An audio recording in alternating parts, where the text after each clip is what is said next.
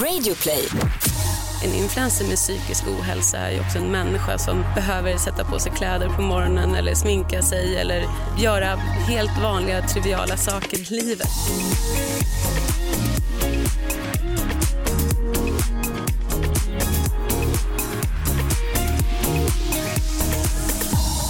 –2005. Blondinbella har fyllt år. Fredagen började med att jag fick frukost på sängen och sen kom Matilda och Bea förbi min tråkiga prao och hämtade mig på lunchen då vi åt en födelsedagslunch. Mys, mys, mys. Klipp till 2019. Isabella Löwengrip, som hon numera benämner sig själv, släpper fasaden och skriver sitt modigaste inlägg någonsin. Några dagar senare konstaterar hon Idag har jag tagit ett beslut som fått mig att kräkas. Jag gick rakt ifrån mötet in till damernas. Ångesten slog i taket. Det har varit en tung dag blandat med några bra stunder. Gråt och skratt, ångest och hopp. Det är min värsta tid i min karriär hittills. Vissa beslut gör mig så enormt illamående. Ja, det här är två episoder ur Isabella Lövengrips liv tagna med 14 års mellanrum från det att hon startade sin blogg 2005. Det kan man ju tycka är ett ytligt axplock ur hennes liv. Men det är ett väldigt bra exempel på hur fokuset har skiftat från ett rosaglammigt mys till ångestdrivet kaos bland influencers. Ja, och det här ska vi prata om i podden idag. Jag heter Jasmine Winberg och är redaktör på Resumé Insikt. Och jag heter Julia Lundin och är också redaktör för Resumé Insikt och ni ska vara varmt välkomna till Insiktspodden. Varannan vecka pratar vi om aktuella händelser inom marknadsföring och kommunikation. Ja, och det är inte bara Isabella Löwengrip ju som har eh, börjat släppa på fasaden. De här senaste åren har ju ohälsa av olika slag då florerat runt bland influencers i sociala medier och för att nämna några så har Therese Lindgren, Alexandra Nilsson, Viktor Frisk och Joakim Lundell alla skrivit egna böcker om psykisk ohälsa och eh, ja, sjukdomsdiagnoser överlag. Ja, och det här sker ju samtidigt som eh, Folkhälsoinstitutet släpper rapport efter rapport om hur den psykiska ohälsan bland unga bara ökar. Det finns två aspekter av det här, eller hur eh, Jasmin? Ja, alltså å ena sidan tänker vi ju att det är superbra verkligen att de här ämnena lyfts och att de diskuteras. Mm. Och eh, influencers följ, följs ju ofta av väldigt unga personer och eh, ofta också barn. Och om deras öppenhet då kan få några att söka hjälp så har det ju varit oerhört bra. Ja, och det är vi också säkra på att det händer, att de söker hjälp. Ja, mm. absolut att de har det inflytandet. Mm, mm. Eh, men å andra sidan då så reagerade vi på innehållet i en studie som nyligen släpptes av en forskare vid Handelshögskolan i Göteborg. Och i den här studien då så är 12 influencers intervjuade och de berättar att ångest och depression föder framgång. Mm, visst finns det en sekvens där som var extra intressant? Vi kanske skulle läsa upp den ja. här. Ja, det gör vi. Ja. Här kommer då ett direkt citat. Jag bestämde mig för att skriva en berättelse om min mentala kollaps och hur dåligt jag hade mått. Jag tänkte både länge och hårt. Jag vågade inte trycka på och publicera men sen gjorde jag det ändå. Efteråt så stängde jag min dator och tittade inte på den igen förrän dagen efteråt. Då blev jag helt överväldigad av responsen. Hundratals och åter hundratals kommentarer, de flesta av dem stöttande och några delade med sig av sina erfarenheter. Jag fick så många följare. Allt förändrades för mig och från och med den dagen blev bloggande mitt yrke. Jag kunde leva på det. Mm, när man hör det här kan man ju bli lite cynisk då va? Ja, eh, jag kan också tänka mig då att man kan säkert må ganska dåligt som influencer. Dels för att man såklart är en vanlig människa. Men också eftersom man hela tiden känner säkert då att man måste överträffa sig själv. Och eh, efter några år då, vad finns det mer att säga? Alltså folk gillar ju ofta saker som skaver, inte saker som är rosa fluff. fluff. Eh, och eh, på grund av det här då så kanske man måste visa fler sidor av sig själv. Men ja, absolut, man blir lite cynisk Julia. Mm, mm. Eh, problematiken här ligger ju i att det är helt omöjligt att undersöka sanningshalten i de här historierna. det, det går ju inte faktiskt. Nej, det går inte. Nu, vi säger ju inte att folk utnyttjar den här möjligheten till att få fler likes, men man kan göra det och det är ju det som är intressant här ju. Ja, Eh, men du Julia, visst finns det en hel del annonsörer också som har använt sig av det här temat med psykisk ohälsa? Ja, vi har hittat eh, en del sådana när vi har gjort den här granskningen. Eh, bland annat bankappen Lunar då skulle göra ett event med Isabella Lövengrip där de snackade misslyckanden efter den här kaosiga perioden då som hon har gått igenom som vi berättar om där i början.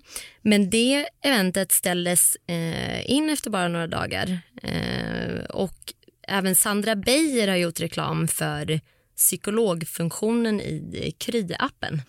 Ja, och eh, tjejtidningarna BAM och Frida har gått ihop med Always och gjort en kampanj för unga tjejers självkänsla. Och om den ska vi få höra mer om av vår gäst här idag. Malin Karlunden, kreativ chef på Allermedia är med oss här i studion idag. Välkommen ja. hit Malin. Tack. Hur mår du? Det är bra. Vad härligt. Ja. Härligt. Du Malin, eh, kan vi först reda ut, eh, finns Frida numera eller är det BAM som man säger? Det finns både Frida och BAM. Eh, Frida finns inte kvar i print längre utan är en ren digital produkt. Vi har Youtube och en sajt och sociala medier. Men den ligger ihop med BAM på samma domän.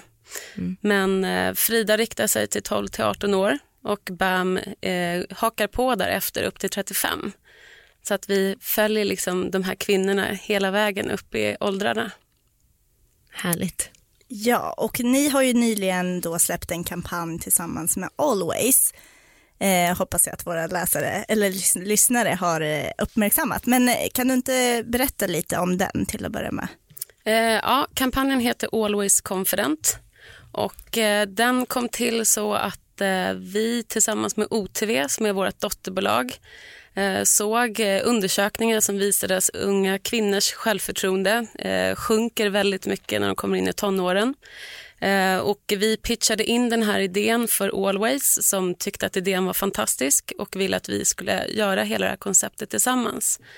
Så att OTV har producerat sex eh, avsnitt i en webbserie som vi distribuerar på Fridas Youtube-kanal och på BAM har vi en hel vertikal som heter Always Confident.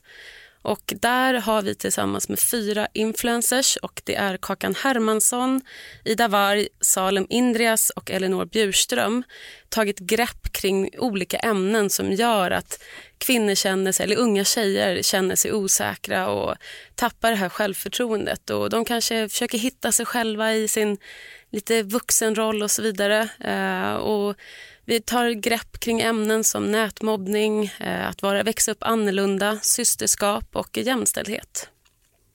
Varför tycker ni det är så viktigt att belysa de här frågorna? då?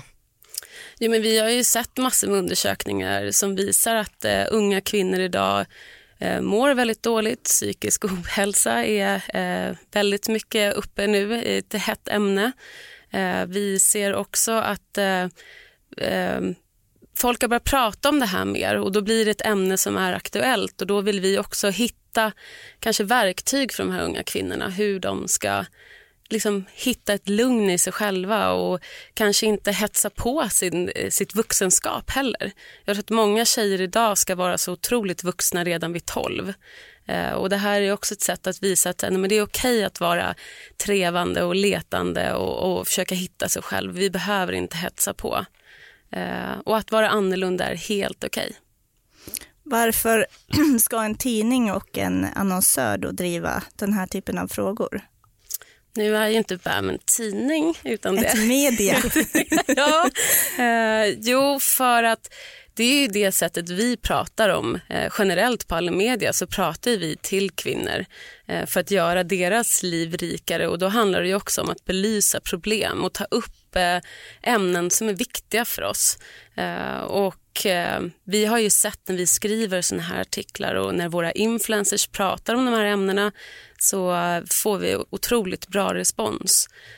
Och det är ju många företag idag som också vill ta något slags samhällsansvar. De vill vara där ute för att stärka kvinnor och ta upp viktiga ämnen som är relevanta just nu.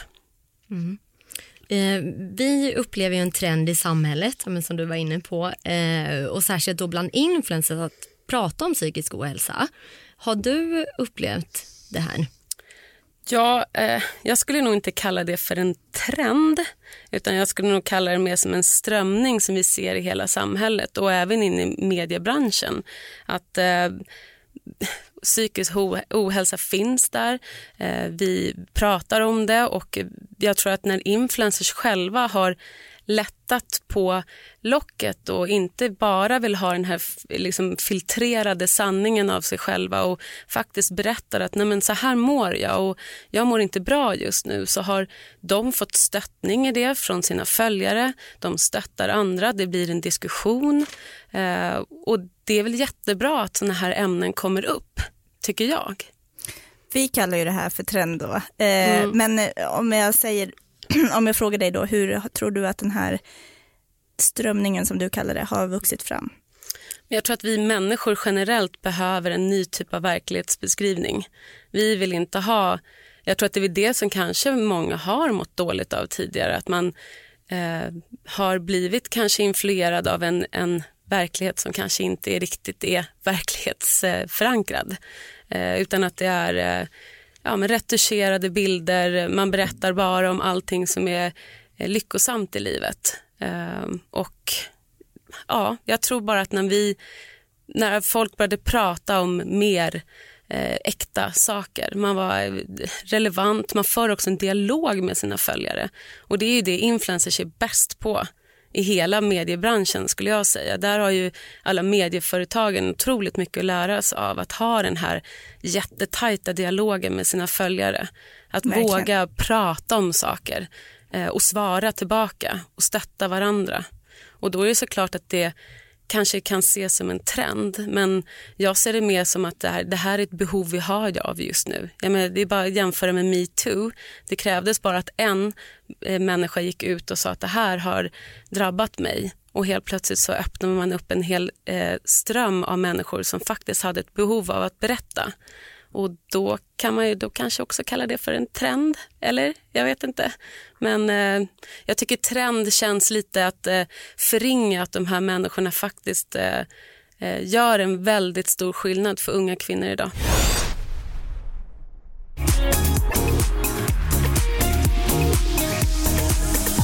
Du har tagit del av den här studien eh, som vi har skickat till dig eh, mm. som säger att du kan få, ja, men du får mer likes och kommentarer om du skriver om, saker som psykisk sjukdom, olika kroppstyper och personliga misslyckanden och så vidare. Mm. Vad tänker du om den?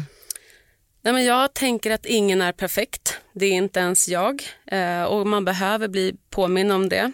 Sen finns det otroligt mycket grupper ute på sociala medier, till exempel på Facebook eh, där man kan samlas och prata om specifika ämnen. Jag är själv medlem i väldigt många av de här grupperna för att se just vilka eh, olika ämnen som man pratar om just nu. Eh, och där finns det ett otroligt stort behov för de här kvinnorna att prata av sig om tabubelagda ämnen. Eh, det finns en Facebookgrupp som heter Fitlife där man faktiskt pratar om eh, sjukdomar, om saker som sker i ens underliv som ingen annan vågar prata om. Och här finns det inga filter. Eh, men det här kanske också att man vill göra det i det här slutna forumet medan kanske hos influencers så är det ju öppet när man kommenterar. Eh, men jag vet, jag pratade med Kakan Hermansson som är vår influencer på alla media att eh, hon, hennes DMs på Instagram är så långa varje dag. Folk bara hör av sig till henne och tackar henne för att hon står upp. Hon pratar om ämnen som är viktiga och relevanta och hon är ju som en, liksom, en riktig kompis där ute för många. Och det är väldigt viktigt. Ehm, det är ju också i den här studien då, eh, mm. så är det ju flera influencers som då vittnar om att de har kunnat leva på sitt bloggande efter att de har berättat om något jobbigt, att det liksom har varit brytpunkten för dem att, att, att eh, kunna bli ekonomiskt, eh, ja, klara sig ekonomiskt på bloggen helt enkelt. Och eh, de har ju då, förutom likes och kommentarer, också fått in sponsorer såklart. Det följer ju, det, det går ju hand i hand. Och vi undrar om du, psykisk ohälsa som affärsidé, tror att det existerar? Jag skulle inte kalla det för affärsidé. Eh, jag tycker det handlar om någonting som eh, medier och, och numera influencers alltid ägnar sig åt. Har du också valt att bli egen? Då är det viktigt att skaffa en bra företagsförsäkring. Hos oss är alla småföretag stora och inga frågor för små. Swedeas företagsförsäkring är anpassad för mindre företag och täcker även sånt som din hemförsäkring inte täcker. Gå in på swedea.se företag och jämför själv.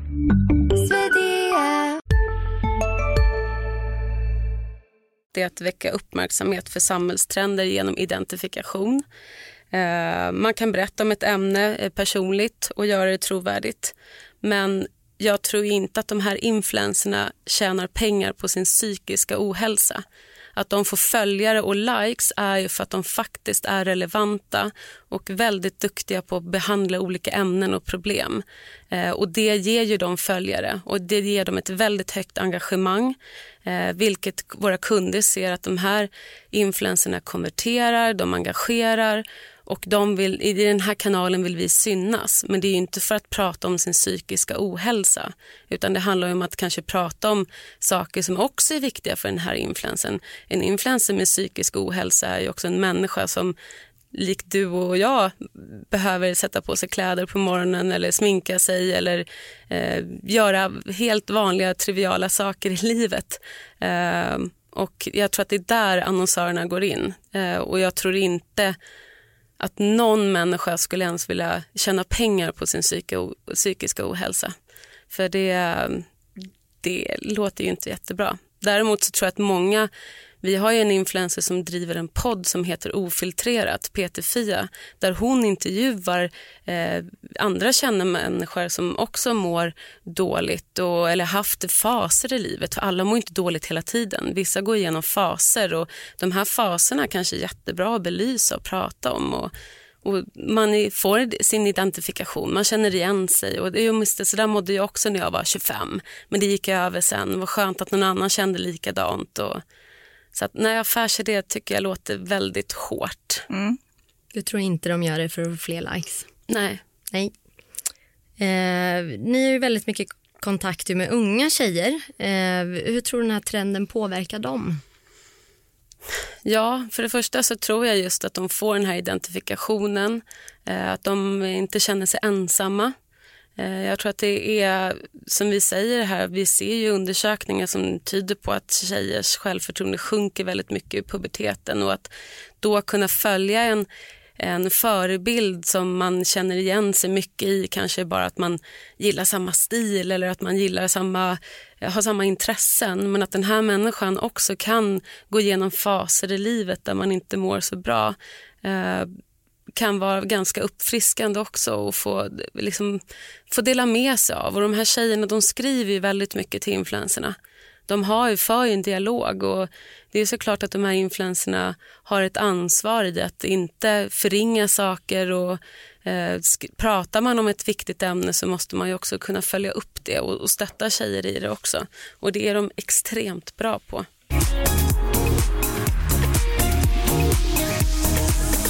De har ju, eh, som du var inne på här, såklart en stor makt. Och eh, bara för att dra ett exempel, när Kissy åt barnmat för att banta så tog all barnmat i Stockholm slut. Eh, och eh, när vi har skrivit den här artikeln som ligger, ligger till grund för det här temat då, så eh, var det flera annonsörer som, eh, som är anonyma, så vi kan inte prata om vilka det var, men eh, de sa ju då att de tror att barn kan triggas av att influencers då som pratar om psykisk ohälsa eh, och att de vill vara som dem. Ligger det något i det tror du? Jag tror inte att det är någon människa som önskar att de mår dåligt. Eh, jag tror däremot så frågar du vilken tonåring som helst idag så kan de säga att de har det lite tufft och det kan ju allt bero på att mamma tvingar dem att diska på morgonen eller städa sitt rum. Eh, och jag tror inte att man kan bli inspirerad av någon som mår dåligt till att man själv mår dåligt. Däremot så tror jag att mår man dåligt och läser och lyssnar på någon som mår dåligt så kan man nog mer, mer få en bekräftelse i att så här, okej, okay, jag är inte ensam här. Eh, men... De tar jag, inte efter. Nej, jag har väldigt svårt att, att se att de vill må dåligt bara för någon annan gör det. Mm. Eh, vi pratade även med Camilla Järvide då, som driver bloggbevakning som du kanske är bekant med. Eh, och hon sa att hon var väldigt trött på att influencers säger sig ha en släng av något, men så här, en släng av ADHD eller en släng av Aspergers. Eh, jag undrar vad, har influencers för ansvar i de här frågorna tycker du? Jag skulle nog generellt vilja säga vad har människor för ansvar i det här? Eh, jag tycker att var jag än går i, eh, i min vardag idag så har folk släng av någonting hela tiden. Att det har gått och blivit så här, åh gud jag har sån ADHD, jag orkar inte det här och jag är så speedad och jag tror inte att det här bara ligger som ett influencerproblem. Eh, och jag har inte sett att någon av våra influencers pratar på det sättet. Ehm, men jag tycker generellt att människor ska typ eh, chilla lite med de här uttrycken. Ehm. Men å andra sidan kan man ju också säga att de har mycket mer makt än, än eh, Lasse på gatan. makt vet jag inte om de har, fast de har ju... Det är såklart att har, har du en åsikt om någonting och har 200 000 följare så såklart måste du ju kanske välja dina ord. Ehm, men det här är ju inte folkvalda politiker som eh, ska på något sätt vara en förebild. Men det finns ju många eh, youtubers och influencers där ute som gör väldigt knasiga saker. Och där handlar det också om så här vi som föräldrar måste ju också stärka våra unga människor att så här, det här du ser är inte verkligheten och det här, mm. det här du ser är inte okej. Okay. Eh, vi måste ju lära våra barn att eh, filtrera vissa saker. Vi kan inte lägga ansvaret alltid på en influencer. Eh, vi vuxna människor har ju också ett ansvar i att uppfostra bra människor. Ja, absolut. Eh, det skickar vi med, med oss här. Säger jag som är trebarnsmamma. ja, eh, nu så pratade vi inledningsvis om er kampanj här eh, tillsammans med Always och eh, vi vet att det finns massa marknadschefer som lyssnar på den här podden som kanske också vill närma sig det här området och det är ju ett ganska känsligt område då så eh, jag tror att du sitter på en massa tips där. Vad har du för dos and don'ts?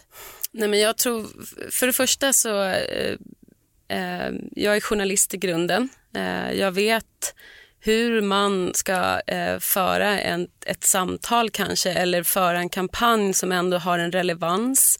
Ehm, och jag tror att som ett företag vill man ta ställning i någonting. Det är många företag idag som vill ta ett samhällsansvar eller ett miljöansvar och ska man göra det så måste man för första kolla så här, vad är vi för företag? Står vi för de här värdena rätt igenom? Eh, eller kan vi bli granskade? Ehm, ja, men det, vi har ju sett ganska nyligen många exempel på där eh, reklamkampanjer som faktiskt hade ett extremt bra eh, de hade en bra grund, de hade en bra idé men sen har man inte kollat igenom hela kampanjen. Kan vi stå för allt det här eller har vi pratat med berörda så att inte eh, någon outar oss sen i efterhand och sen så faller hela kampanjen. Eh, vi vet hur man, i alla fall nu pratar jag utifrån oss då, då men vi vet hur vi pratar med vår målgrupp. Eh, vi vet vilka ämnen som faktiskt funkar och vi vill göra det eh, på ett bra sätt. Eh, transparens, äkthet och hållbarhet är ju modeorden nu. Eh, och eh, jag tror att alla måste försöka hitta sitt reason to be. Var, varför finns vi och vilken funktion ska vi fylla? Eh, och unga kvinnor idag är galet pålästa i det mesta. Eh, och är man inte inkluderande, eh, har man inte koll på vilka trender som är just nu eh, så kan ju det vara små saker som gör att en kampanj antingen blir helt viral eller faller platt som en pannkaka. Men jag tror att man kanske inte alltid ska ta i för hårt eller ta i för mycket utan lägga sig på en lagom nivå men som ändå är så pass bra och nytänkande att alla tänker att så här, men shit vad bra det här var. Eh, de har tänkt hela vägen här och de är inkluderande. Det, det får inte finnas några fallgrupper. Eh, speciellt vi som mediehus när vi går ut med kommersiella kampanjer som natives och sånt där. Där måste det vara otroligt eh, bra relevans eh, och äkthet i det hela. För att annars får ju vi på pälsen. Mm. Ja, verkligen. Det kan gå fort Ja. numera. Det, Och det, det är ju så tråkigt och det är därför som jag känner nu med Always Confident har vi vägt varenda samtalsämne. Eh, har vi inkluderat alla? Har vi eh, sett till att alla får komma till tals? Eh, vi pratar inte om hon och han utan vi pratar om eh, liksom, eh, tjejer som, eller vad säger man, kvinnor som identifierar sig som kvinnor. För att vi, allting utgår ju också från att eh, det är folk med, eller tjejer med mens. Eh, eftersom Always går in också som eh, sponsor i det här. Eh, men det är, man får inte eh, göra bort sig helt enkelt. Nej. Eh, när man vill mycket. bra. Det får bli Slutorden, slutorden. gör inte bort er. Ja, Tack tack, så så mycket för att du kom hit Malin.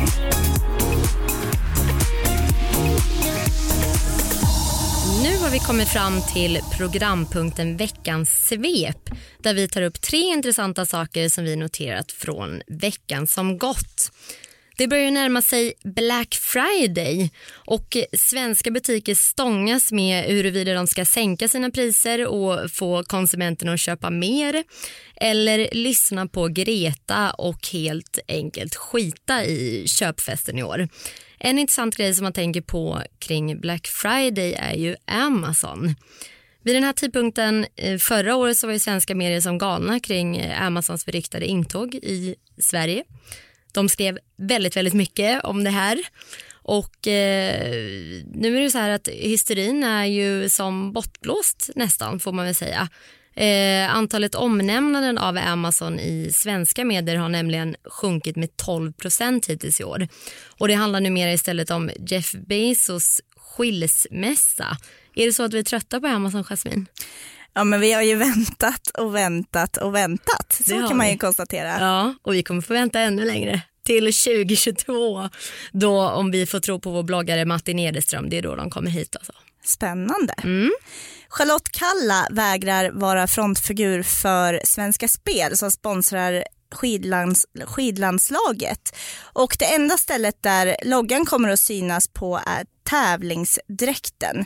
Svenska Spel är ju ett Uber-svenskt företag och eh, har ju verkligen marknadsfört sig som det etiska och schyssta bolaget i branschen. Och att Charlotte Kalla väljer att ställa sig utanför det här bolaget är ju både, ja, det är ju både starkt och uppseendeväckande. Men eh, annars i vanliga fall så är man ju van vid att bojkotter gäller då Malta-baserade spelbolag. Vad innebär det här för branschen? Ja, om man eh, nu även då ska dissa Svensk, Svenska Spel och ATG eh, för sina åsikter, det återstår väl att se. Och eh, vi får se om fler följer efter, men det är, det är en intressant eh, grej i varje fall tycker Mm, vi. intressant att följa. Ja, och Facebook får ju en ny logga, det kanske ni har sett. Man hajade ju till ordentligt när den här nyheten kom. Det är inte så att Facebook, eh, Facebook byter ju inte precis logga var och varannan dag. Eh, men riktigt så roligt skulle vi inte ha. Det är alltså en ny logga och företagsidentitet som ska representera företaget som helhet då, alltså inte loggan på den berömda webbsajten. Och det här gäller ju även eh, Messenger, WhatsApp och så vidare, alla bolag då som, som eh, Facebook äger. Eh, loggan ska bland annat synas längst ner i apparna, typ Instagram by Facebook, Instagram by WhatsApp och så vidare. Eh, färgerna är dessutom lånade från eh, Instagram. Tror vi att det här kommer lösa Facebooks problem då? Nej, vi känner väl att det är ett inifrån och uttänk. Alltså, bryr sig Lasse på landet om att Instagram ägs av Facebook? Det är jag inte så säker på. Nej. Nej, säger vi på den. Eh, vi har då också en liten bonus här, fått vår första skrivna recension av den här podden i podcasterappen. Roligt. Ja, och den är så intressant att jag känner att jag behöver läsa upp den här. Lyssnat på ett par avsnitt och tycker att tjejerna verkar vara extremt osköna och negativa. Varför bjuda in spännande gäster för att sen vara extremt kritiska, nästintill hånande och inte alls neutrala i sin, i sin ställning? Synd att en rolig och spännande idé som denna podd kunde vara blev så lame. Mm, och den var ju så bra så vi gjorde annonser på den till sajten. Har ni inte sett dem så Resumé.se får ni gå in och titta. Ja, resumé.se, yes. Ja, den poddrecensenten kan ju känna sig ganska speciell nu. I. Mm.